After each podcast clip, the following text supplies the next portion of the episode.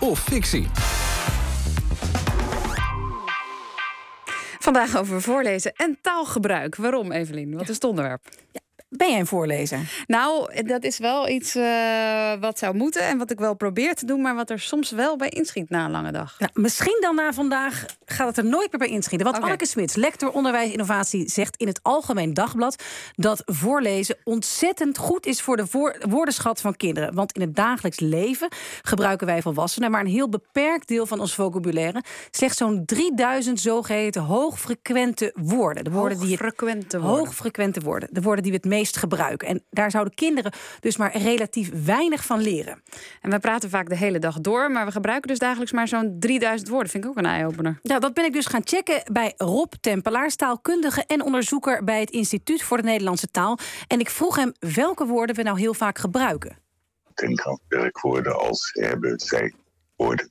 Uh, en dan vooral persoonlijke voornaamwoorden. Ik is een absolute topper. Bepaalde voorzetsels, op, in. En uh, als het om zelfstandige naamwoorden gaat, man, vrouw, tijd, dat soort woorden. Dat gebruiken we de hele dag door. Ja, dat is dus vrij eenzijdig. Ja, zijn we echt eh, op zo'n laag niveau uh, met z'n allen bezig als het gaat over taal? Ik ben het gaan vragen aan Roel van Steensel, hoogleraar leesgedrag aan de Vrije Universiteit. Hij zegt dat zelfs hoogopgeleide mensen thuis maar een klein deel van hun woordenschat inzetten. En dan denk je bijvoorbeeld aan: heb je een leuke dag gehad? Hoe was het op werk? Wat zullen we eten? Uh, kan de deur dicht? en hier zijn ook studies naar gedaan.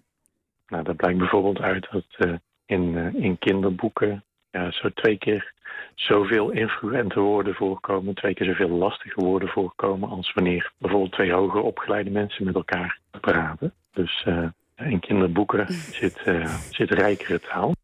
Dus zelfs in kinderboeken jongen, jongen. worden moeilijkere woorden gebruikt dan in de gemiddelde conversatie tussen volwassenen thuis. Oké, en dan gebruiken we dus vooral die hoogfrequente woorden. En dat zijn er dus echt maar 3000. Daarvoor belde ik met Carole Tiberius, ook van het Instituut voor de Nederlandse Taal.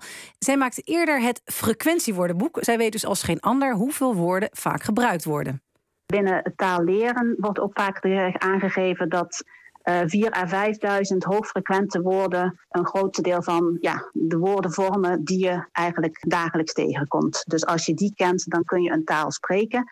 En er zijn er echt uh, een duizend die dan weer uh, ongeveer 85 procent dekken. Dus met duizend woorden kom je ook al een heel eind. Zo'n duizend woorden zijn dus echt heel belangrijk. En dan zijn er nog twee tot 4000 andere woorden die je bijna dagelijks hoort. Ook Rob Tempelaars bevestigt dit. Oké, maar duizend woorden, als je kind dus duizend woorden kent, dan ben je wel klaar met opvoeden qua taal. Nou, dat niet, zegt Carole Tiberius. Luister maar.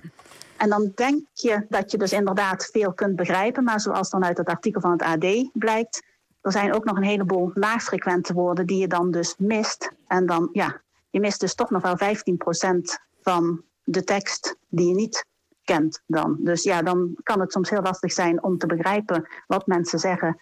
En ja, val je misschien toch buiten de boot. Ja, dus als je wil voorkomen dat je kinderen buiten de boot vallen met taal, is voorlezen het devies. En alle experts zeggen voorlezers, voorlezen levert een veel grotere woordenschat op en zorgt voor goede ontwikkeling van de hersenen. Je klinkt een beetje als de moedermafia nu.